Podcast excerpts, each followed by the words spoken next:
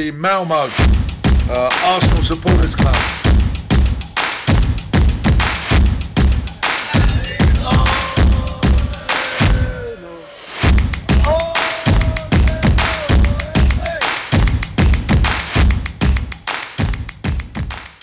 Ja, då hälsar jag varmt välkomna till Arsenal Malmös podcast och idag så är det den 27 december så jag passar på att hälsa och önska alla våra lyssnare en god fortsättning. Hoppas att ni har haft en bra jul.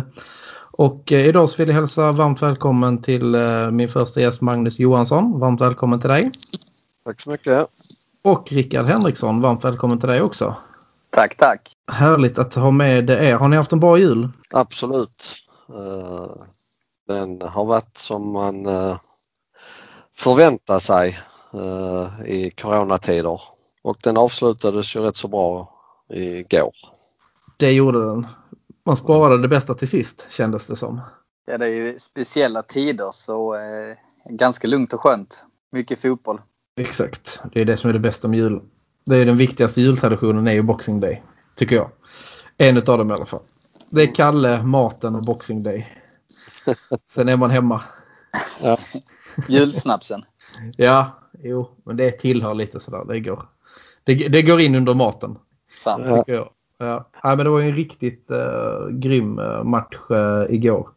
3-1 hemma mot uh, Chelsea. Vad, vad trodde ni när ni såg startelvan? Um, ja, vad ska man säga? Man har ju inga förväntningar längre.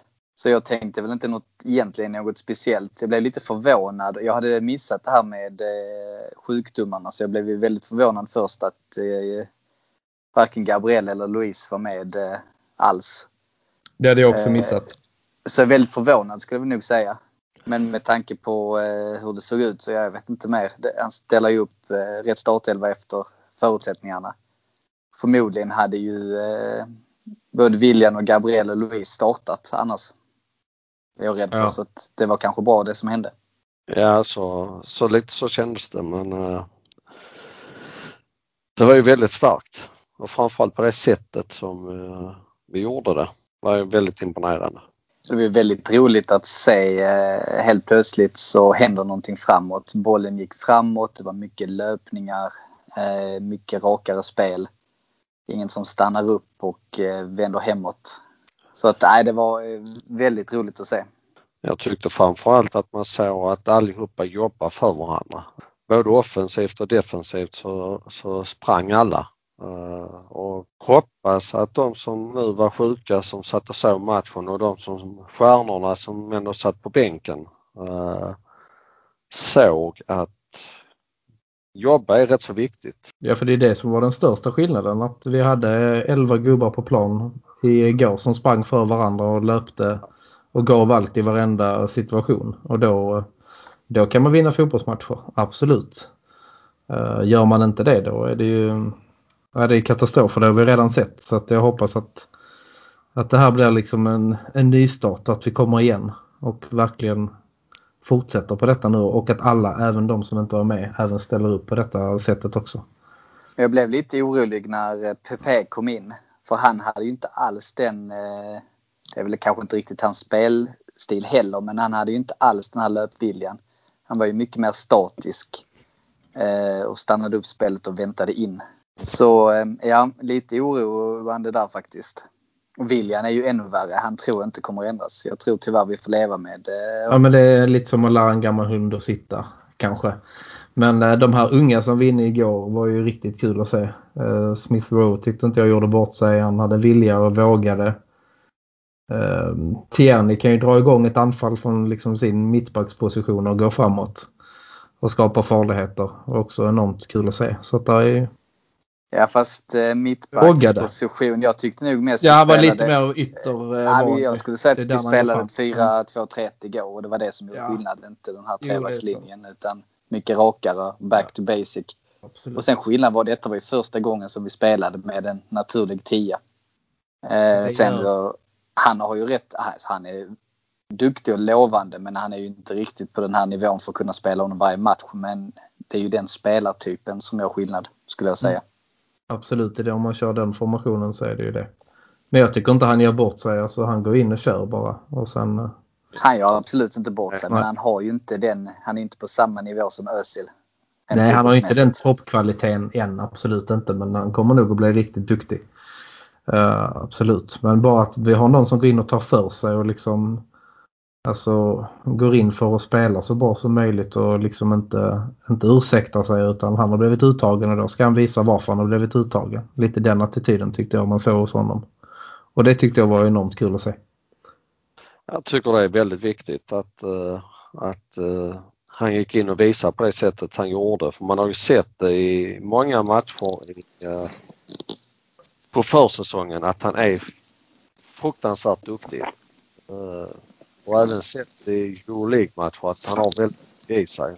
Och sen har han inte fått några chanser i Premier League och nu fick han chansen mot ett tippat topplag och går ut och gör denna matchen. Sen håller jag med dig eh, Rickard att vi ska inte tro att han kan göra detta match efter match. Eh, och den jämnheten har han ju inte i och med att han inte har spelat så mycket. Men, men han kanske ska få varannan match. Eh, och ändå liksom sitta på bänken i de andra matcherna för att vara en press på de som är på planen. Att gör du inte ditt jobb så åker du ut. Mm.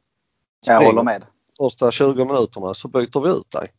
Och där hoppas jag att eh, Arteta har fått sig en tankeställare nu att vi måste ha spelare på planen som springer i 90 minuter och är de inte villiga till det, ja då byter vi och så får de som är villiga spela och, och springa. Och det gäller... Ja, jag håller med. Men jag tyckte en sån spelare som inte har löpt innan så mycket kanske eller visat dålig attityd, Lacazette. Men han tyckte jag gjorde en eh, bra match.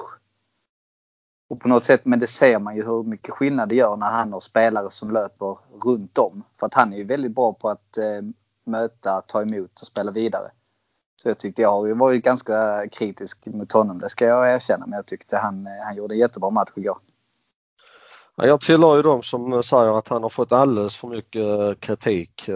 Jag tycker att han är en av de få som har visat lite attityd i många matcher. Men det är ändå alltid han som blir utbytt. Eh, visst, han har inte gjort mål som en anfallare ska göra men det är en, har varit en punkt vi har kunnat nyttja och spela upp bollen på som har kunnat hålla undan motståndare. Eh, när vi har någon annan på den positionen när eh, abonnemang har gått in och spelat där så ja, ja, jag är så jävla irriterad på abonnemang så att eh, men, men han får liksom inte kritik för någonting annat förutom att han inte gör mål. Men han har, han har inte sprungit någonting och inte visat någonting vilket jag tycker Lacazette har gjort i många matcher men han får ändå kritik. Men det är min åsikt. Ja, jag, håller, jag håller med dig till viss del, eh, absolut. Sen så tycker jag, alltså det jag haft som svårast mot honom det är ju att han, inte, han är för långt från straffområdet tycker jag som, eh, som striker. Men skillnaden är när du har så pass bra löpvilliga spelare på kanten som jag tyckte både Martinelli och Saka är ju otroligt rörliga. Då blir det ett helt annat dynamiskt anfallsspel och då funkar det. Men om du ska spela med det så som vi spelade tidigare i höstas. Då var det väldigt tomt in i straffområdet. Då var det ingen där. Och när han då sökte sig bort då tyckte inte jag han gjorde någon nytta. Och då var jag väldigt irriterad för jag tycker att eh, han är ju ändå som giftast i straffområdet. Och din kritik mot Aubameyang. Ja, det kan vi väl alla säga att han har inte haft en bra höst.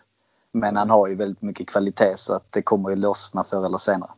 Och jag tror ja. det är därför han inte får så mycket kritik heller. Jag tror också att han lever lite mer på gamla meriter eh, hos fans generellt. Aubameyang än vad Lacazette gör också som gör att inte han får lika mycket kritik. Eh, ja, på men... något sätt. Sen tror jag också att Lacazette går ner och möter ibland mycket i vissa matcher mer tidigare under hösten. För att han vill ha boll och bollarna har inte kommit fram och då har han tagit på sig för att han är en spelare som du säger som man kan spela upp och han kan möta. Då har han kanske kommit, liksom, han ska vara längre upp i banan egentligen men han har känt att han måste gå ner och hämta bollen allt för många gånger faktiskt. Men, men alltså om man tar matchen igår så gick han ner rätt så mycket men så, som du sa Rickard så hade vi två stycken på kanterna som löpte. Mm. Uh, och då funkar det? Och då funkar det men när han har gått ner som säkerligen har varit hans roll även i de andra matcherna så har vi inte haft, då har vi haft abonnemang och William på kanterna. Och då, då kan det väl inte vara Lacazettes fel? Då måste det ju vara Williams och abonnemangsfel fel att de inte har löpt. Mm. Ja, ja, taktiken att Lacazette ska gå ner och hämta och de ska löpa och de inte löper. Då ska ju kritiken absolut ligga där. Ja, du har en poäng. Absolut. Vi, vi spelar ju på samma sätt igår som jag är säker på att vi, vi ska spela med två kanter som löper konstant hela tiden. Eh, och Lacazette faller tillbaka och ska bli en uppspelspunkt.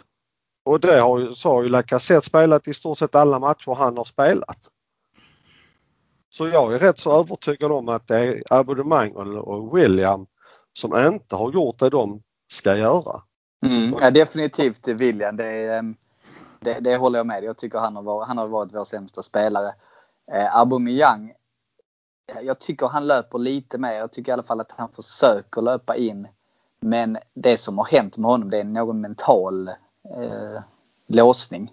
Han har hängt med huvudet otroligt mycket under hösten. Ja, i slutet har han gjort det. Det har ju liksom inte varit... Alltså de två sista matcherna, kanske tre, då har han ju mest bara sprungit runt och hängt med huvudet och inte alls varit med. Och det kan um, inte ha en lag. Och då är det ju bättre att han sitter på bänken och så kan uh, ja, men Saka och Martinelli komma in och löpa istället. Ja, absolut. Som det ser ut nu så är ju de två självskrivna. Mm. Men det är också bara en match. Alltså jag, jag, är inte liksom, jag vet ju också vilka kvaliteter och abonnemang har. Men det jag blir irriterad på det är, det är som sagt att han får inte kritik för någonting annat än att han har gjort lite mål. Han får inte kritik för hans attityd, han får inte kritik för hans löpvilja, han får inte kritik för någonting annat. Men som jag sa i vår förra podd eh, som jag var med i så löper jag mer inne i mitt hus på en match än vad han gör under en match. Fan, det tycker jag när du är stillasittande på puben. Vi får ha en kamera på dig hemma. Intressant att se. Men det, det, men det ligger mycket i det. Alltså, han har ju inte löpt mycket. Man brukar kunna få ut sån statistik och se verkligen hur mycket spelarna löper. Det hade varit intressant att ha haft tillgång till den på de, de senaste matcherna han har spelat. Ja, han har Faktiskt. inte kommit över 3 kilometer. Nej. De snittar väl ändå det, milen på en match va? Han har rört sig mer än 3 kilometer men han har inte sprungit mer än 3 kilometer. Nej. Alltså det, det är ju där alltså att han har ju gått runt. Ja, ja. Han har inte, ja, ja, liksom. man har inte löpt. Och, och det är, ja, ja. Om jag ska vara lite så, jag håller fullständigt med att William har varit fruktansvärt dålig och så men, men eh, jag är inte i närheten så besviken på han som jag är på abonnemang. För att abonnemang är lagkapten, han ska ja. visa attityd. Han ska visa liksom när det går dåligt att här är jag som står upp för oss. Men han har inte visat någonting. Därför så tycker jag att han har varit en av våra sämsta spelare uh, i höst. Ja, men sett till förväntningar man har haft på honom så har han ju absolut varit det. Sen tror jag att vissa spelare, alltså Även, även om du ser på spelarna vi har haft på plan. Om du liksom tar ner han att vi har samma förväntningar på alla spelare. Mm. Så är det fortfarande så att han har varit en bland våra sämsta spelare. Ja, jag var inte ja, nämnt han bland de, bäst, bland de bästa på plan sen United-matchen. Liksom. Det har man han var inte gjort. bra då heller. I United-matchen. Han gjorde mål på en straff. Mm. Den matchen var det bra utom vår fronttrio. Mm. Resten av laget var jättebra. Och så såg det ut innan. Det var egentligen bara i fulla matchen som vi hade ett bra anfallsspel. Mm. Det var i september. Men det tyder också att det spelsättet vi har så är vi så himla beroende av att ha folk där uppe som löper. För att, vi ska, för att det ska hända någonting framåt. Och när vi inte har det så är, blir vi inte... Ja, men det är ju alla lag och det är ju egentligen det som jag tyckt har varit skrämmande. Att alla lag har ju löpt mer än oss. Vi såg ju mot Aston Villa. De löpte ju sönder oss fullständigt ja, till exempel. Burnley. Flera exempel. Leicester. Ja. Men sen var det ju rätt så intressant för de sa inför, om det var förra matchen, där de sa att Arsenal var det laget som hade löpt tredje mest i hela ligan. Men då är det nog som du säger, då tittar de på rörelsemeter, inte löpmeter. Ja. Och, sen, och sen handlar det ju inte bara om att man ska löpa, det handlar också om att man ska löpa rätt. Ja. ja, du kan ju löpa lite och ändå löpa rätt. Tottenham är det laget som rätt. löper minst till exempel. Mm. Ja. De ligger ju rätt i sina positioner Exakt. hela tiden. om du ligger fel i positionerna måste du springa mycket. Ja. Det är så... det vi har gjort då, är det det som är kontentan? ja, det är säkert. Vi har ju, det är ju Delvis. någonting som inte stämmer. Det kan vi bara konstatera när vi ligger på 14 plats. Ja. ja det är... Men som Men... sagt, för att gårdagens match, att de som var sjuka satt hemma och såg det och även de som satt på bänken så såg att eh, dels att fan här får vi kanske steppa upp lite för här har vi unga spelare som, eh, som står och knackar. Dels har vi visat, har, har de visat Arteta, det finns kapital bakom och sen att de stjärnorna förstår att vi måste kanske springa och springa rätt. Det är inte farligt att få en tröja svettig. Det är, det är liksom helt naturligt på denna nivån att man är trött efter en match. Mm. Säg Terni igår som liksom sista fem minuterna så satt, satte han sig ner för han var urtrött. Det är så man liksom vill att alla spelare ska vara efter 90-95 minuter. Mm. Jag kan ja. inte orka ut i omklädningsrummet. Ja, ja. Nej, du kan, ju typ sitta ner och eftersvettas 10 minuter på planen och sen gå in. Ja. Nej, men jag hoppas ju en sån som Ceballos har ju inte heller varit bra i höst. Jag hoppas ju att han ser lite att han behöver steppa upp. Ja. För att bli petad av El Nenni borde ju svida rätt så ordentligt egentligen. Verkligen. Så jag Men det är också bra att de, de, man ska inte, alltså jag tror för att laget ska utvecklas nu så, alltså det, ingen ska sådär är lite emot att vi snurrar runt med så mycket startelvor. Nu fattar jag att vi måste göra det med avstängningar och sånt och det här med att vissa varit sjuka och sånt där. Men jag vill ju fortfarande ha en tydlig liksom, hierarki i en trupp. Vilka som är ett och vilka som är två år så att man vet att det är någon och knackar hela tiden så att man blir, alltså får en slags positiv stress utav det. Och veta att man är kanske etta just nu men presterar inte jag så är jag kanske inte etta nästa match. Där är alltid någon som knackar liksom.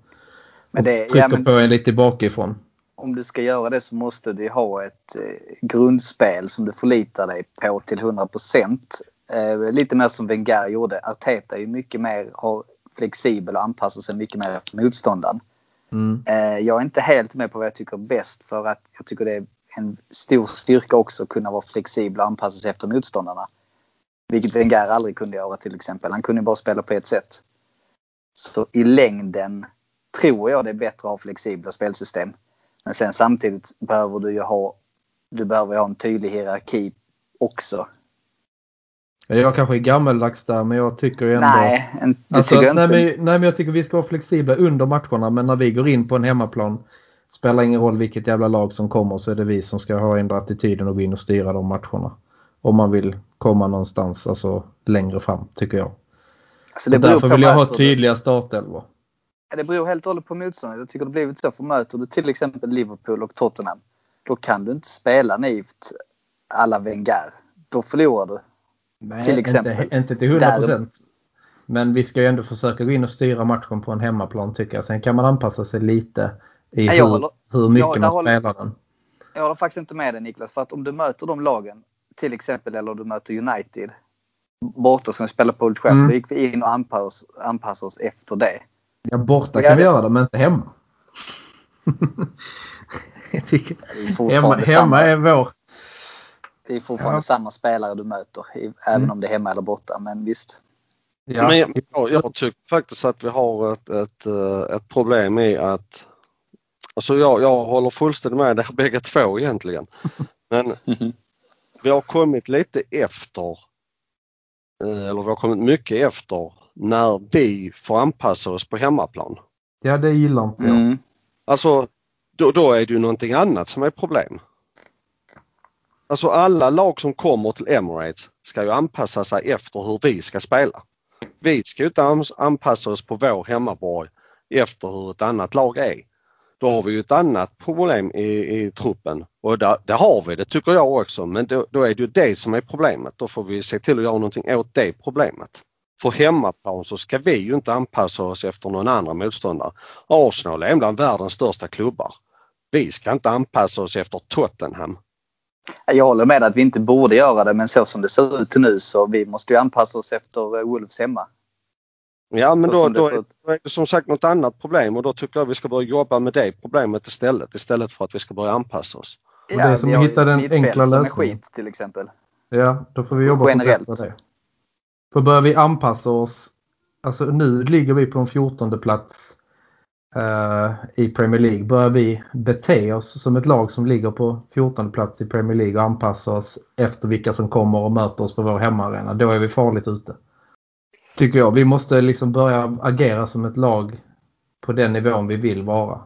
Vi måste hitta vårt spel och anpassa oss. Liksom. Alltså, vi är farligt ute om, om, om eh, vi även hemma ska, ska börja anpassa oss efter motståndare. Det, det, det, tycker jag.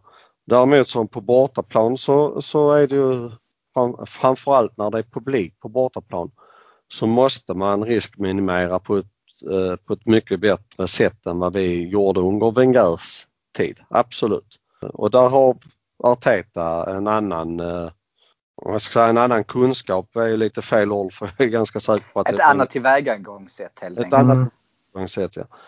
Och det, det, det tycker jag är, är helt, eh, helt okej okay och det ska man göra mot vissa lag. Däremot så ska vi ju alltid när vi åker och möter lag på undre halvan, även när vi möter dem på bortaplan så ska de ha den respekten för oss. Så att det är de som ska anpassa sig efter oss.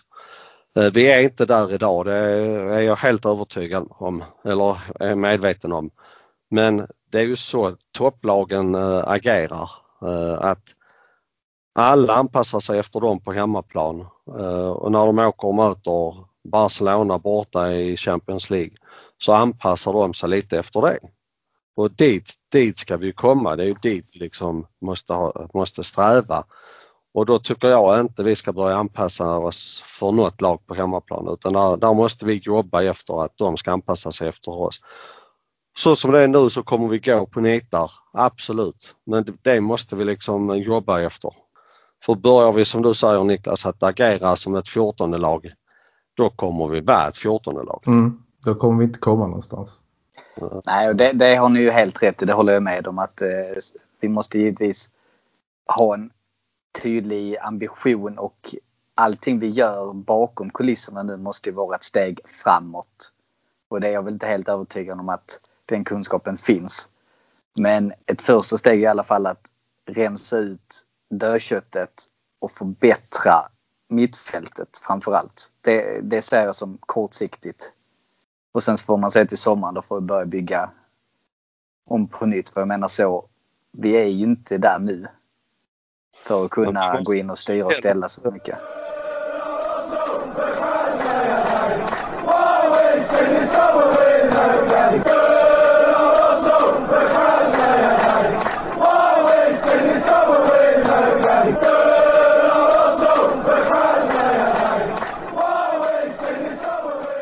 Behöver du present eller julklappstips? Här kommer ett! Arsenal Malmö kan nu ta del av Arsenal Stockholms samarbete med Mavigant som gör grymma posters av fotbollsarenor.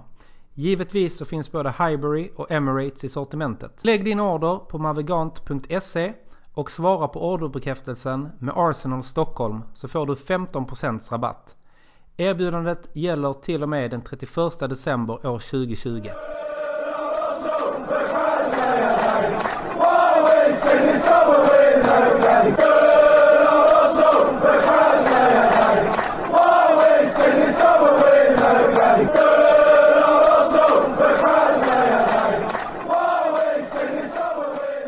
Man får heller inte eh, glömma att liksom vår stjärnspelare som vi faktiskt plockar in på mittfältet har inte spelat särskilt mycket för att han är, är skadad. Nej. Eh, eh, så att alla liksom skriker att vi har värvat urkast och bla bla. Alltså, jag är inte riktigt där, bara det att de har inte kommit till sin rätta i Arsenal. Vissa. Pepe var liksom gudabenådad uh, i, i franska ligan. Uh, gjorde precis vad han ville. Uh, men han, han lyckas inte hos oss. Vad det beror på vet jag inte men, men vi har liksom haft många värvningar som har vi har sagt när, när de har blivit köpta, wow vilken spelare vi har köpt. Och sen liksom lyckas han inte. Eh, det är lite så som de säger om Chelsea nu igår. Werner va? Werner och Havertz. Den andra tysken de har köpt. Innan säsongen så var det ju liksom de bästa värvningarna i hela Premier League. Uh, och det kanske det blir i längden. Det, det, har jag ingen aning om men de visar ju absolut inte någonting nu. Uh, och lite så tycker jag att det har varit med Arsenals, många av Arsenals värvningar också att det har varit bra värvningar men alltså de har inte visat vad de kan i Arsenal. Sen om det beror på att, att uh, de får för få chanser eller att det är... Uh, Spelsystemet eller vad som helst. Alltså. Ja, det, det, vet jag liksom inte men, men jag, jag, tycker faktiskt att vi har värvat, värvat rätt så bra. Uh, däremot så tycker jag att vi borde slängt ut en, ett antal uh, spelare. Uh, dels för att minska vår lönekostym men även kanske för att värva en, en, en 800 miljoners mittback. Så kanske vi skulle gjort oss av med tre av de åtta mittbackarna vi sitter med.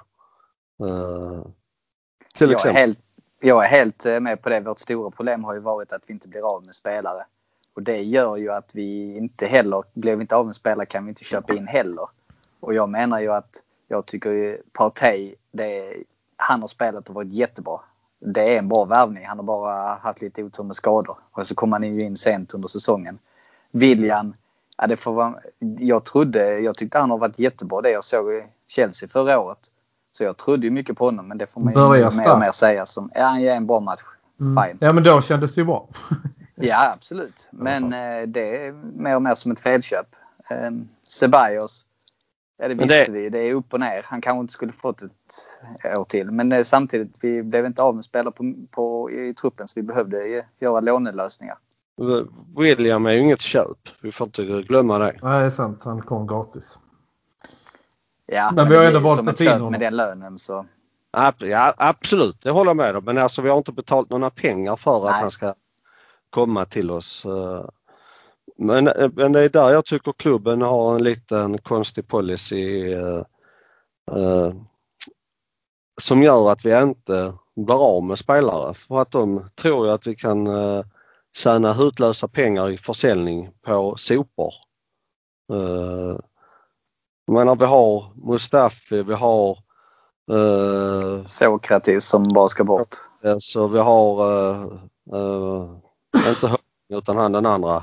Chambers. Chambers och vi har uh, uh, ja, Özil som absolut inte är en sopa. Uh, men om man nu bestämmer sig för att inte använda dem, skänk då bort dem istället. Alltså vi vill tjäna några pengar på dem. Uh, och då är det bättre liksom att bli av med dem och så att vi får bort lönekostnaderna. Mm. Även om en klubb som hade köpt eller tagit eh, Özil sagt att ni får betala 100 miljoner eh, eller eh, en miljon i, i veckan på hans lön. Så skulle vi ändå bara sagt ja visst. Då hade ja, vi ändå det... två och en halv miljon i mm. veckan. För vi använder han ju inte ändå. Nej. Nej, det är där det stora problemet ligger. Jag, jag förstår inte hur klubben agerar i, i de lägena. Det, och som sagt de sitter med, en, vad har vi, 6-7 mittbackar. Ja, vi har rätt mycket inom mitt fält där också när uh, Guendossi och Torera om de kommer tillbaka från sina lån. Då, är det rätt tjockt på det inom mitt fältet också. Ja men de är, där är ju i och för sig ett sätt för de, där blev vi av med låneko- eller lönekostnaden om mm. ut dem i alla fall. Men det är en kortsiktig lösning. Det är en kortsiktig mm. men det var väl... Men det är absolut, Vi försökte sälja dem ja. men vi lyckades inte så nu ryktas det att han kommer tillbaka i januari, Torera. Ja, men jag tror inte det går för det, ja, det beror på hur lånet är skrivet i och för sig. Men det är ofta så är det väl säsongen. Men han har inte imponerat i Atletico tydligen. Så. Det kan ju finnas någon klausul där som gör att de kan lämna tillbaka honom. Ja, jag eh, personligen tycker det är en jättebra spelare. Jag har aldrig riktigt förstått varför eh, Arteta inte har trott på honom. Men eh, ja. Jag gillar också honom. När han är bra så är han riktigt bra. Och han springer ju oftast i alla fall. Vilja. Ja, han visar ju vilja precis. Mm. Och sen, sen. är han, tycker jag att han är en, visar en, en vilja och så är han dessutom rätt så klick spelare. Uh, vi har ju liksom en spelare som oftast visar relativt bra vilja i, i Xhaka. Men han gör ju också sådana hutlösa saker som man uh, blir väldigt uh, förvånad emellanåt. Men det är ju det som är så gör... synd. Ja, och han, var, han har mycket, han kan göra jättebra eh, insatser. Det ser man också när han får spelare som löper. Då kan vi ju nyttja hans fina passningsfot. Men det är också som du säger, så han har, i grunden är det en bra spelare. Jag tycker han har fått väldigt mycket skit. För i grunden så tillför han någonting. Men så mm. gör han också de här idiotgrejerna var sjätte match som gör att eh, helhetsintrycket dras ner. Ja, och gör man det en gång liksom, det är väl okej, okay, eller det glömmer man. Men så många gånger som man har gjort massa sådana konstiga grejer nu så är det bara irriterande. Ja, tyvärr. Men som jag ser det om man tittar på i dagens trupp så jag tycker en solklar startspelare ändå. I mina ögon.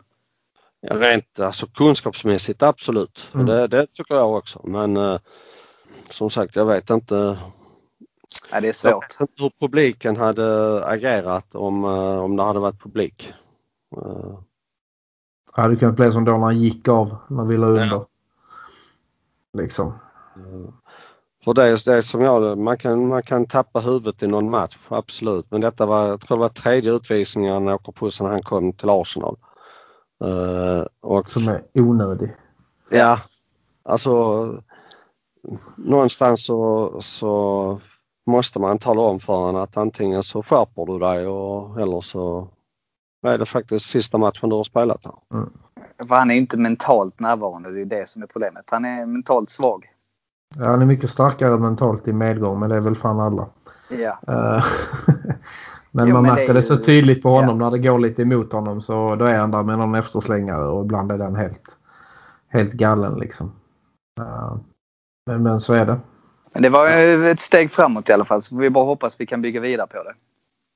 Absolut, men jag tror alltså jag har haft den känslan länge nu att fan det det var likadant liksom eh, när Arteta tog över för ett år sedan. Då liksom, jag hade börjat med ett kryss, sen såg det bra ut mot Chelsea förra året men vi tappade för att vi var för dåligt tränade. Men sen när väl den där segern kom liksom så det ändrar så mycket, det gör så mycket. Man kan pusta ut lite att man får känslan att man kan vinna i Premier League också. Och motståndet ja. nu, de två närmsta matcherna är ändå görbara tycker jag. Jo, men skulle vi nu inte vinna mot, är det West Brom eller när vi har Brighton först? Brighton först och sen West Brom. Men om vi nu inte skulle vinna mot Brighton, då, då spelar det ingen roll. Det var precis som United. Ja, ja, vi också nej, det, skulle vända. Så att det gäller ju att fortsätta. För menar, Absolut, ingenting. Men, men, men skulle vi ta två poäng eller två vinster här nu mot både Brighton och eh, West Brom. Tuffa bortamatcher så då, då är det ju, ser det ju positivt ut igen. Ja, och trenden vänder lite och liksom lite arbetsro och, och sådär. Inte känna kniven mot strupen varenda match. Även om man ska känna det ändå för man ska vinna men det blir liksom inte den där. De kanske kan slappna av och spela lite bra fotboll också på ett annat sätt. Ja, och framförallt blicka framåt. Jag menar, vi mm. har rätt viktiga Europa League och cupmatcher eh, här under våren sen, vintern. Som vi ja. måste prioritera för att det ser ju väldigt svårt ut eh, att nå Europaplatser i ligan. Ja, vi får ju sikta på kupporna där helt enkelt. Även om så vi skulle få en positiv trend och göra några fina resultat här de kommande fem matcherna så vi är långt efter. Vi har många lag att passera och sen så kommer det ju komma dippar igen. Jaja. Det är inte så att det vänder, tvärvänder med tanke på hur det sett ut tidigare så att vi kommer fortsätta gå på en del minor. Och ja, vi kommer inte sop, att, sopa rent. Nej men det blir ju kupp, som blir det viktiga år igen. Ja och sen samtidigt liksom komma tillbaka upp. Jag menar vi måste ändå, tycker ändå vi måste fan kämpa för att sluta på en alltså, åttonde, sjunde plats eller något sånt där. Vi måste gå för det i alla fall och visa att vi vill vara med. Ja absolut, I ligan också. det är ju fortfarande möjligt men jag tror fjärde plats blir väldigt, väldigt svårt. Ja, ja det blir det. Det håller jag med om. Det håller jag som uteslutet. Men att vi liksom ändå visar lite att inför nästa säsong då ska ni nog liksom se upp lite för oss i alla fall. Får jag hoppas det i alla fall. Men, eh, jag tror ja. man måste... Uh... Vi fick tuff lottning i Europa League också. Vad fan var det? Var det Sevilla vi fick? Ja, Benfica. Benfica, Benfica var det. Mm. Men, men det är ju också liksom en sån grej. För tre år sedan så hade vi inte tyckt det varit en tuff lottning. Nej. Varför är Benfica en tuff lottning nu? Portugisiska ligan har absolut inte blivit ett dugg bättre de senaste 15 åren. Jag fick faktiskt för mig att det var, var Sevilla. Då kändes det lite tuffare. Men nu kändes det lite bättre. När det var ja, alltså, Benfica. Men alla skrek ut att detta var en mardrömslottning. Ja, liksom, nej, det, det, var det Nej, det är inte mardröm. Men åkte vi ut mot Olympiakos förra året så kan vi nog fan åka, åka ut mot Benfica i år. Liksom, känns det. Så med tanke på hur hösten sett ut kan vi åka ut mot vilket lag som helst. Ja. ja absolut, men, men uh, om man sa mot Olympiakos förra året, uh, om man nu ska vara helt ärlig, ett rättvist resultat i den matchen skulle ju vara 7-0 till oss. Ja, absolut. Om man tar um, chansmässigt. Vi är ju ja. totalt överlägsna mm. spelmässigt, chansmässigt uh, i den matchen. Uh, och liksom jag tycker fortfarande inte, alltså Benfica idag är, vi kanske kan åka ut mot dem absolut, jag ska inte säga det men, men uh, jag tar ju Benfica varje dag i veckan istället för något öststatslag det är så svårt. Man har ju inte riktigt... Så öststatslagen är ju på pappret sämre men de är väldigt oberäkneliga. Så ska man men alltså, lång flygresa. Om man tar så ett lag från uh, uh, kommer femma i ryska ligan. Uh, de har nog mer namnkunnigt lag än vad Benfica har. Ja, ryska ligan blir ju starkare och starkare på något sätt. Alltså, det, det är där, alltså, portugisiska ligan är ju en liga precis som svenska ligan som blir sämre och sämre för varje år. Den utarmas ju på fotbollsspelare precis som eh, de, alltså holländska ligan. Holländska ligan ja. Det är en liten alltså, sån talangliga. Ja. Alltså, så jag tror känslan liksom... är just kanske det att de har hungriga unga spelare Benfica och har de två bra dagar där så kan de sluta oss. Det kanske är den känslan många har. Jag tror mycket det är de lever på sitt namn. Gammal storklubb. Ja, ja, det känns inte lika hotfullt att möta Ludogorets eller något sånt. Så är det ju. Ja, jag, men man jag ju... tror det är precis det du säger Rickard. man, man tar alltså Benfica som en, en, en, en eh, storklubb i Europa. Uh, vilket de är rent medlemsantalsmässigt så är det ju världens största klubb. Uh, men alltså fotbollsmässigt, de har inte haft en framgång på 25 år. Men det var ju lite som när vi fick Milan i Europa League för eh, två, tre säsonger sedan. Ja. Eh, då, tänkte man, och det, då tänker man ju verkligen det är en gammal storklubb ja. och det blir tufft. Men de var ju skitdåliga då. Vi, eh, vi spelade ut dem fullständigt med eh, Mkhitaryan på planen till exempel. Och då det är typ lätt, lättare mot Milan än mot Östersund. Ja visst. Mm. Alltså att eh, jag tycker som sagt inte det är någon jättesvår lottning. Sen som sagt så som vi har uppträtt i höst så kan vi förlora mot, eh, ja om man nu ska säga rent krasst så som vi har spelat i vissa matcher så hade vi även förlorat mot MFF. Ja, det, för det, ja, vi, det inte, har inte varit där, alltså, vi har inte varit där inställningsmässigt. Det är det som man vet. Alltså för att vi är ju också i andras ögon så är ju vi är, kan ju det vara guldläge och Arsenal kommer och det är ingen som tror att vi ska vinna. Vi kan gå in och spela avslappnat och sen går Arsenal in och är lite halvloja. Ja. Då sitter man där liksom. Motivation slår klass är en gammal... Ja, ja. Gammal klassiker. Ja, och det stämmer ju i fotboll väldigt mycket framförallt i cuper där är det ju många som har rykt. Rök väl till och med Malmö mot något annat Skånelag i Svenska cupen för några år sedan när de var som bäst tror jag, Malmö. Så att jag menar, det är alltid motivationslåg klass. Så att det är det man är, är orolig för när vi liksom dippar i form. Att, det kommer, att den matchen kommer fel. När vi är inne i en dålig period. Men jag litar på dig Magnus. Benfica är skit, vi tar dem. 5-0 i första. Ja, jag sa, sa inte att de är skit. Jag sa Nej, att jag de är inte där de, där, där de har varit. Att de är. Nej. Uh. Men det hade varit ett... Lissabon är ju en väldigt trevlig stad. Där hade jag ju gärna åkt dit. Så det är så synd med covid och publikfria matcher.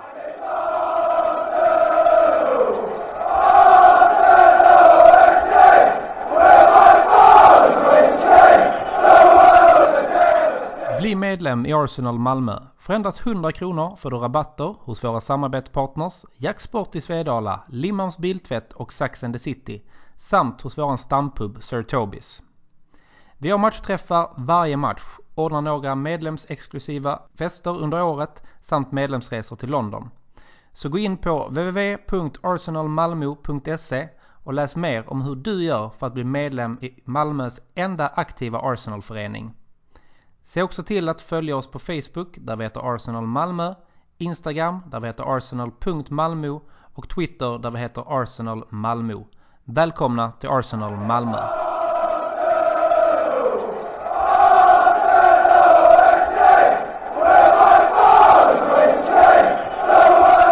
Men vad tror ni om matchen nu då i övermorgon? Brighton. Alltså Brighton är ett tufft lag. De, ehm, de har inte riktigt fått resultatet med sig. Men de spelar bra alltså. De, och de, ehm, det är ju en svensk bekant, Graham Potter, som tränar dem. Mm. Det såg vi när vi mötte Östersund. Det är, det är ett lag som löper kopiöst. Och det gjorde de förra gången vi mötte dem också. De ja, eh, vi har inte haft det lätt för Brighton så att det kan nog, det blir ingen lätt match. Däremot om vi visar samma löpinställning och raka spel som vi gjorde nu i, igår, då tror jag vi vinner utan problem. Men jag eh, sätter stort frågetecken för att vi kommer upp i samma nivå. Jag, eh, jag är väldigt rädd för, eh, för denna matchen. Jag är rädd för att många av våra storstjärnor kommer att spela. Mm åka till Brighton. Eh, det spöregnar eh, och blåser som fan så tror jag många av dem kommer tycka att detta är rätt så jävla tråkigt eh, och inte kommer att göra det jobbet som krävs. Men som du sa Rickard, går vi ut med den inställningen som vi gjorde igår så vinner vi denna matchen. Men gör vi inte det, dippar vi bara 5% så kommer det, kommer det gå illa i den matchen. Ja, jag tror också det tyvärr. Och därför är det så himla svårt att tippa den matchen. Inte för Magnus? Nej, alltid tre. ja, det beror lite på. Eh, jag vill ju inte se William på planen, det kan vi säga. Han är ju den första som jag säger direkt. Jag vill inte se honom på bänken ens. Alltså jag tror ju inte eh, någon av dem som var hemma och var sjuka i lördags. Var han sjuk igår och ska spela övermorgon igen? Ja, tveksamt. Nej, det, det, var han och Louise va, som var sjuka. Men eh, var Gabriel de sjuka eller var det bara karantän? För att de Nej, de var sjuka. De var eh, sjuka. Gabriel är tre matchers karantän. Mm. Har de sagt. För han har varit i nära kontakt med eh, de som testat positivt. Så han är borta i de kommande ja, två matcherna. FA-cupmatchen mot Newcastle där kanske då. Där kan han nog vara tillbaka. Ja. Men jag är lite så också med tanke på att jag var helt, alltså jag kände liksom inte mig trygg med den elvan som vi ställde upp med igår och trodde att nej, det här känns inte så jävla bra. Men sen går de in och, in och gör jobbet så att så länge det är 11 gubbar som går in och gör jobbet och löper så skiter jag i vad det står på deras ryggar just nu. Mm. Faktiskt. Jag vill ha dem med rätt attityd. Sen men jag vill ju gärna det se... gör inte mig någonting. Nej men fortsätta se det här 4-2-3-1 eh, och gärna Xhaka och jag vet inte hur långt Partey är kvar men eh, kanske spela med Eleni eller ja, kanske Ceballos men få, få dem som ett tryggt mittlås där på mitten och sen så ha, ha en tia. Och vi har ju bara Smith Rowe som kan spela där. Ha den profilen. Så då mm. måste vi han spela igen och kan inte han inte han redo för det, att han inte är matchfit för att spela två matcher på kort tid. Då får vi ju laborera med något annat och gå tillbaka till kanske 3-4-3 på något sätt. Och kanske spela med Lacazette som släpande och Aubameyang som central. Och då vet vi inte riktigt hur det kommer att se ut. Jag är också lite där att alltså, vi ska ha de som är villiga och, och lägga ner ett djävulusiskt arbete. Uh, sen vad det står på ryggen det är uh, mindre intressant uh, tycker jag. Men bara de har den viljan att löpa som de gjorde igår så, så kommer det gå bra. Men eh, vi måste stå på den nivån. Och vi måste framförallt om vi ska gå bra, vi måste veta att vi måste upp på den nivån i varje match. Ja. Att det är liksom ja. inga enkla matcher i den serien vi spelar. Det är ju liksom det att alltså, nu sitter vi liksom och tycker att gårdagsmatchen är wow. Men det ska liksom vara vår lägsta nivå. Ja, där är mycket att jobba på i den matchen vi spelade alltså, i, igår. Där är mycket, mm. fortfarande lite kortpassningar tycker jag som inte sitter ordentligt och det är lite enkla bolltapp. Alltså, så att, men vi ja, kämpar oss tillbaka. Svaret, egentligen. Ja, men vi kämpar ju oss tillbaka. Vi kämpar ju för det. Vi ger ju ja. inte upp. Och det är därför det inte går rent åt helvete. För hade vi liksom gett upp när vi har tappat bollen en gång och bara skiter i det och fortsätter kämpa. Det är då vi tappar matcher. Nu kämpar vi ändå i 90 plus. Och därför får vi med oss poängen liksom. Så är det ju. Ja, men det var en bra match absolut och vi, var, vi förtjänar segern. Vi var bättre. Sen så kom inte Chelsea upp till sin bästa nivå kanske men eh, det är ändå ett klasslag som vi slår. Jag tycker vi har en bra match igår men man får heller inte liksom som sagt eh, alltså sticka liksom ut och tro att vi är någonting för att vi slog Chelsea. Eh, Nej. Eh, som sagt, detta här ska liksom vara vår lägsta nivå. Eh, dippar Chelsea som de gjorde igår så ska vi vinna de matcherna 10 av 10 gånger. Mm. Eh, för att vi ska max tippa till den nivån vi gjorde igår. Eh, och det är den nivån vi måste upp i. Men sen ser man liksom hur, hur ligan är. Nu tappar Liverpool poäng idag. Eh, mm. Mot Bromwich. Eh, som eh, också gick in och visade en attityd idag som, eh, som var jättebra. Eh, så att dessa två matcherna vi har framför oss nu de är jättesvåra. Eh, Ja, men minst ena... lika viktiga som den matchen igår också. Jag menar det ja. är liksom den matchen igår den lever vi inte på längre än tills att vi ja, sparkar av i övermorgon. Förlorar vi de här två kommande då hade det varit bättre att förlora mot Chelsea och vinna de här två istället. För det är ju ändå den matchen fler poäng. Nu. Så att... den, kommer vi inte, den kommer inte ge oss tre poäng i övermorgon. Ja men det är bara tre poäng i slutändan. Ja, ja, ja men det är det jag menar. Den matchen ger ju inte oss mer poäng än de vi tog igår. Den ger ju inte oss tre poäng i de nästkommande matcherna också. Eller sex poäng till då. Så att jag menar det är uppe och prestera i samma nivå igen. Den matchen har ju spelats, den vi spelade igår. Ja, helt rätt. Ja, så att nu är det bara att köra på. Men jag hoppas att vi kan få med oss tre pinnar. Det ser ju bättre ut. Det hade, ju, hade vi inte fått med oss tre poäng då hade det varit då hade jag varit riktigt orolig. Mm. Ja, samma här. Men ja, man är inte bättre än sin senaste match. Det är bara så. Men jag skulle säga så här om vi ska försöka tippa någonting då. Jag säger fyra poäng tar vi på de här två matcherna. Ja, det är ja. inte jag nöjd med. Jag ska ha sex. Vi tar sex. Men trevligt. Ja. Jag tror också... Fan. Jag tror att gårdagens match var en eh, vändning. Eh, jag tror att eh, detta satte så många myror i huvudet för våra så kallade storstjärnor. Så att de inser att fan här måste vi verkligen gå ut och göra ett djävulusiskt jobb. Och, var nog rätt bra stämning. Det var en liten mening, eller det var ja, jag tror det också. Just att det inte var våra, vår första, alltså alla de bästa var inte med. Det visar, eh, det tror jag nästan var, det kan vara nog fan det bästa nästan som kunde hända att vi inte vann igår med de bästa på plan. Ja. Att vi vann med de som inte är uttalade liksom kanske att vara längst fram och spela varje match. Det kan vara viktigare än vad man tänkte på igår kanske. Men sen tror jag också att det har nog varit rätt god stämning idag på träningsanläggningen om man säger så. Det tror jag också. Absolut, det får man ju hoppas. Mm. Men sen jag menar fyra poäng beroende på hur det ser ut. Är det så att vi får in en kvittering mot West Brom i 90 eftersom att de har fått ett tidigt mål på en hörna någonting och vi vinner övertygande mot Brighton. Då kan ju det vara ett bra resultat. Ja, eller om ja. vi har halva laget i karantän mot West Brom. Det är sådana grejer. Det är så svårt att säga men jag menar men eh, normalt sett så vill jag, jag att det Jag är nöjd med fyra poäng. Ja, normalt sett så håller jag med dig men med tanke på omständigheterna. Jag säger jag tar fyra poäng förhand. Jag kommer inte vara nöjd med fyra poäng tror jag på något sätt. Alltså, så jag kan förstå att eh, så, ja, men det är bättre med fyra poäng än två förluster, ja, absolut. Men jag tycker ändå Jag har fortfarande de kraven att det ska vara 6 poäng. Men sen är det ju hur matchbilderna ser ut också.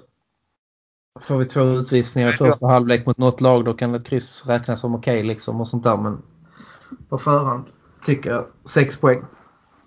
Sen tror jag, jag vet inte, resultaten är svåra att tippa.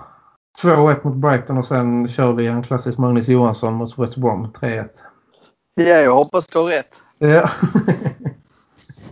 jag har haft fel så jävla många andra gånger så någon gång kanske det kanske tickar in har rätt. Det vänder till slut. Ja, till slut vänder det. Jag hoppas verkligen det. Vad tror ni då? Tror ni något annat händer i januarifönstret? Tror ni att vi kommer att köpa in någonting eller det bara handlar om att bli av med lönekostnader? Det är så svårt att veta om vi har några pengar eller inte.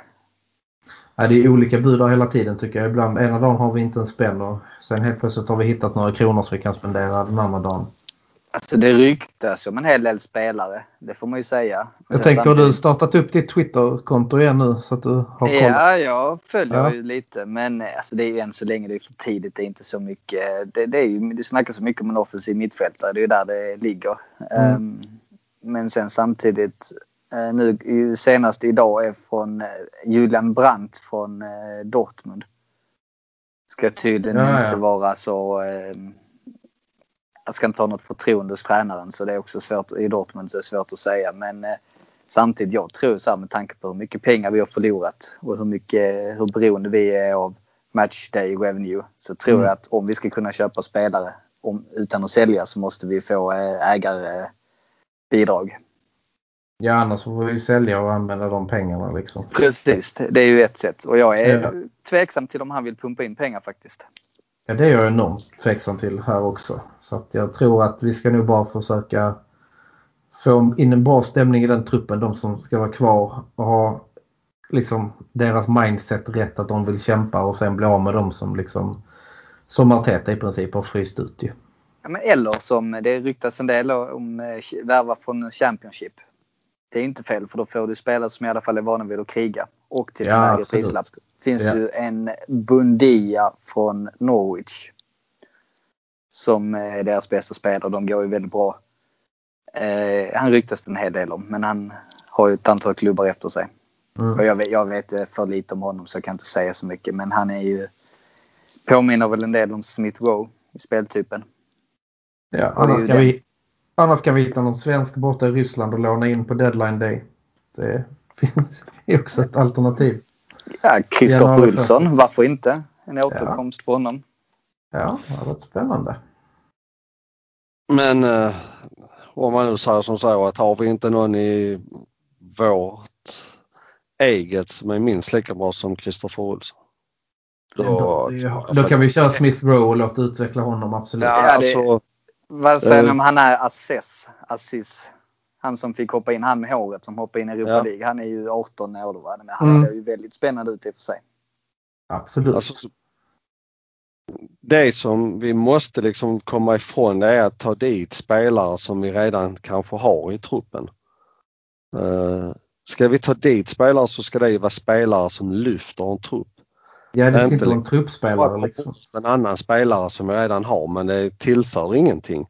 Utan vi, vi bara liksom uh, ja, om man nu liksom lite som alla dessa mittbackar vi har. Vi har tagit dit mittbackar men det är ju inte någon, någon stjärna och jag liksom Gabriel, det är en helt okej okay spelare men för mig är det ingen wow. Det hade varit bättre liksom att gjort av oss med fyra av dessa sju mittbackarna vi har och så köpt in en, en uh, mega som mittback. Som hade liksom styrt upp hela hela backlinjen. Eh, det tycker jag inte vi har, vi har gjort. Eh, så att det primära i januari för min del det är att bli av med överflödet. Ja. Alltså, och om vi nu ska köpa någon så gör det, gör det nu den första. Inte den 30. Nej för då vet man att de är inte inne i det på något sätt förrän i mars liksom. Eh, de brukar liksom köpa sista sekunden och liksom, eh, ska vi ha en spelare, gå ut och plocka spelare nu direkt och göra det klart och sen får det vara så. Ja. Eh, Och sen skickar vi ut det överflödet efter ja. men jag, jag tycker du, du är inne på rätt spår där Magnus. Däremot så ska jag säga jag hade gärna köpt in en spelare eftersom vi vägrar använda Özil så tycker jag att vi hade behövt en offensiv mittfältare. En, som är var med att spela som nummer 10. Det tycker jag också men vi ska inte gå in och köpa någon Alltså om man nu säger som så att Kristoffer Olsson, om vi bara tar han som ett eh, exempel. Om vi skulle köpt han. Jag tycker inte att han är ett dugg bättre än vad Smith Rowe. Nej, då ska vi köpa en som går rakt in och liksom höjer standarden i truppen. Ja, det är det, är det jag menar. Liksom, ja. Att vi ska liksom köpa en spelare som inte är bättre än de vi redan har. Nej, nej, det håller jag med Men om vi skulle gå in och köpa Aouar från Lyon till exempel.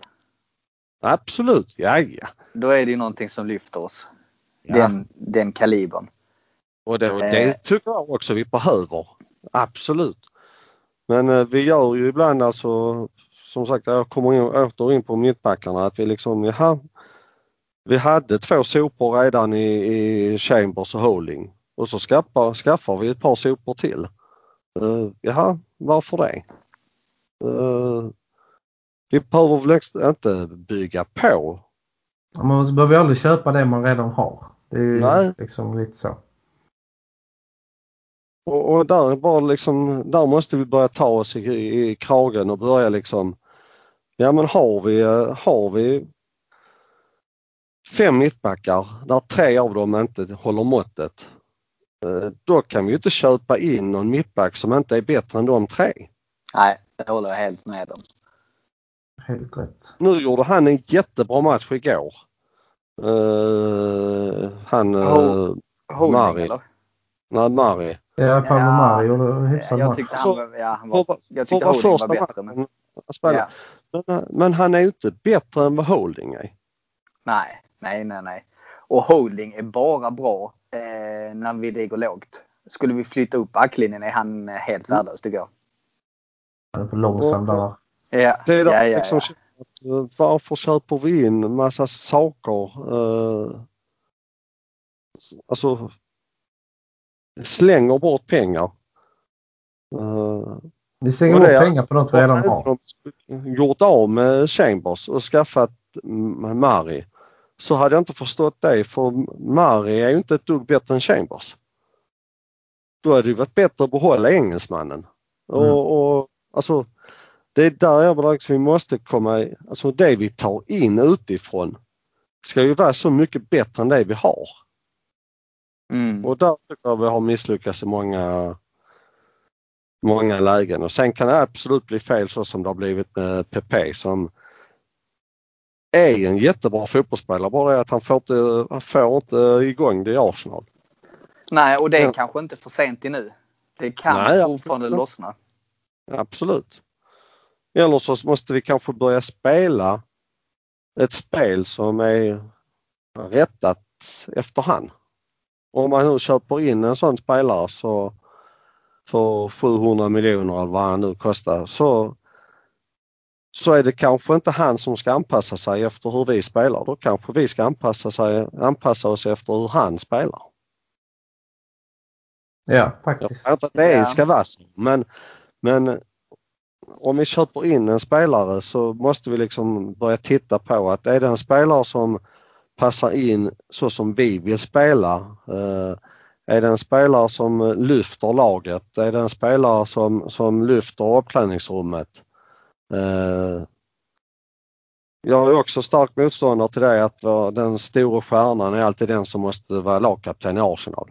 Vilket jag är håller med. Helt, eh, absurt att vi hela tiden väljer den vägen den som är, ska vara lagkapten är den som ska som tillför saker i motgång.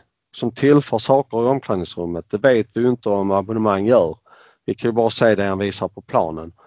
Men, men jag menar Tony Adams, det var ju inte vår bästa spelare. Alltså rent fotbollsmässigt. Nej, nej. Men det tycker jag är lite konstigt för vi har ju en spelare som uppenbarligen visar väldigt mycket och har en stark vilja. Tierney.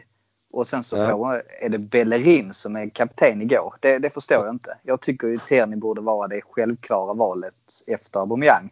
Borde till och med vara före men nu har Tetra gått den vägen. Jag förstår inte varför jag tror, han inte... Jag tror Tierney är väldigt tyst i omklädningsrummet. Ja kanske men han visar ju gott eh, ledarskap mm. på plan. Ja absolut men jag tror det ligger någonting i det Magnus säger att han att, han, eh, att man ska ha både och. Däremot så tror jag han kanske, det är en sån sak som han kanske kan utveckla när han känner att han får självförtroende i laget och prestera så kommer han ta mer plats i omklädningsrummet. Så att om två år så eh, tycker jag inte, det är nog inte omöjligt att han kan vara vår kapten då. Han har varit vår genomgående bästa spelare. Mm, absolut. Jag, tycker, jag personligen tycker att uh, Leno skulle varit vår lagkapten tar plats på planen, visar på planen. Eh, jag tror att han också tar plats i omklädningsrummet. Eh, när man läser liksom hur han eh, agerar och så, så verkar han vara en sån som talar om vad han tycker och tänker. Och som inte accepterar vissa saker. Jag har ju väldigt så svårt att säga att, att abonnemang säger till Lacazette att han ska springa mer. Nej, det tror inte jag heller. inte ifrån på det sättet, nej. Nej. Uh, och jag har väldigt svårt att tro att just nu att Terni säger till abonnemang att nu fan Fanta, nu får du steppa upp lite. Just nu tror jag inte att Terni är där. Jag håller med dig Rickard att jag tror att det är en framtida lagkapten. Uh, men just nu tror jag inte han är riktigt där. Uh, men vi har väldigt, väldigt få ledare och det har vi haft ett stort problem med i, ja sen i stort sett Viera. Eh, vi tappar Viera har vi inte haft en naturlig eh, ledare eh, tycker jag. Jag tycker vi har haft, om man ska vara riktigt ärlig så tycker jag vi har varit, haft urkassa lagkaptener sen Viera lämnade. Eh. Jag håller med dig. Jag skulle vilja göra ett undantag. Jag skulle säga Mertesacker tyckte jag ledde väldigt bra på planen. Sen var han inte på Vieras nivå. Absolut inte, men det tyckte jag han var helt okej. Okay. Jag är beredd att hålla med dig. Jag tyckte faktiskt han gjorde ett, ett hyfsat jobb. Men han var inte på den nivån som Viera och Adams var. Men han var fullgod lagkapten, absolut. Ja, men det, han dirigerade mycket och han, han skällde ut spelare mm. på planen när de inte gjorde vad de skulle. Han har skällt ut Özil till exempel ett flertal tillfällen. Han har skällt ut någon som inte gick att tacka fansen också. Jag vet ja, det, det var Özil. Men, ja, ja. Mm. Det var flera sådana exempel där han verkligen styrde i försvarsspelet väldigt mycket. Um, så jag tyckte han gjorde... Han, han, var, han var bra. Sen är han mm, ju inte på Vieras nivå, absolut inte. Men, men i övrigt har det varit mycket konstiga kaptensutnämningar genom åren. Ja, van Persie, William Gallas. Mm. Vi har ju gått efter de som liksom har varit våra så kallade stjärnor. gått de... efter lönelistan i princip. Ja, lite så. Mest. Ja, då kan du mm. ha de här runt armen också. Ja. Eh, då får du detta ansvaret också för att mm. du tjänar Då ska du fixa detta. Ja. Och, och där är vi, där tycker jag vi har varit väldigt eh, dåliga uh, på att rekrytera ledare. Mm. Uh, vi har gått väldigt, väldigt mycket efter Ja, de är bra i Lyon. Ja, men då tar vi han. Behöver vi han? Ja, men det är inte så viktigt. Han är duktig. Vad har han för egenskaper? Ja, han har en jävla stark vänsterfot men han kan inte göra någonting med höger. Ja, då är han rätt så lättläst. Mm. Uh, alltså, jag tycker vi har varit... Uh, jag tycker inte vår scouting har fungerat de senaste uh, sju, åtta, nio åren. Nej, jag håller med. Ja, det är inte många spelare vi har fått in som har gjort skillnad. Det är väl Özil och Sanchez när de kom. Ja, även Aubameyang har ju ändå varit en, gjort mycket Absolut. såklart. Han, han har ju dippat denne ja. hösten. Denne hösten. Ja. Han har ju varit urbra innan. Eh, så sent som i augusti så var han ju världsklass. Så att, eh. Ja. Eh, och det är ju där man liksom känner man vet vad han kan och vad han borde göra och därför blir man så frustrerad när han eh, rent ut sagt är så urkass som han är för tillfället och framförallt visar det. Och det, och det är där man liksom känner som så att Özil har ju fått fruktansvärt mycket kritik för hans attityd. Men återigen så tycker jag att han abonnemang klarar sig kopiöst mycket eh, från kritik. Som jag tycker att han borde få. För att uh, Alltså får man kritik på rätt sätt så stärker det en om man liksom har en mental styrka. Och hade han inte klarat av att få kritik för att han måste själv också ha insett att jag är, har inte varit bra. Då, då är han ju verkligen inget ämne för att leda laget. Nej, det är fortfarande spelare som har, det är väl sammanfattningsvis kan man säga att det är spelare i Arsenal som har tagit sig i, kragen och visar det och det är fortfarande många som måste ta sig i kragen en gång till för att detta ska bli riktigt bra. Så är det. Absolut. Ja. Ja, men vi hoppas givetvis på att uh, detta var uh, vändningen som gör att vi kan börja spela hem lite mer po poäng i Premier League. Uh, tack så mycket Magnus och uh, Rickard för att ni tog tid och var med idag. Och tack, detta, blir sista, detta blir sista podden för i år så att jag önskar alla ett gott nytt år och att 2021 blir allt det som 2020 inte var. Tack för att ni har lyssnat.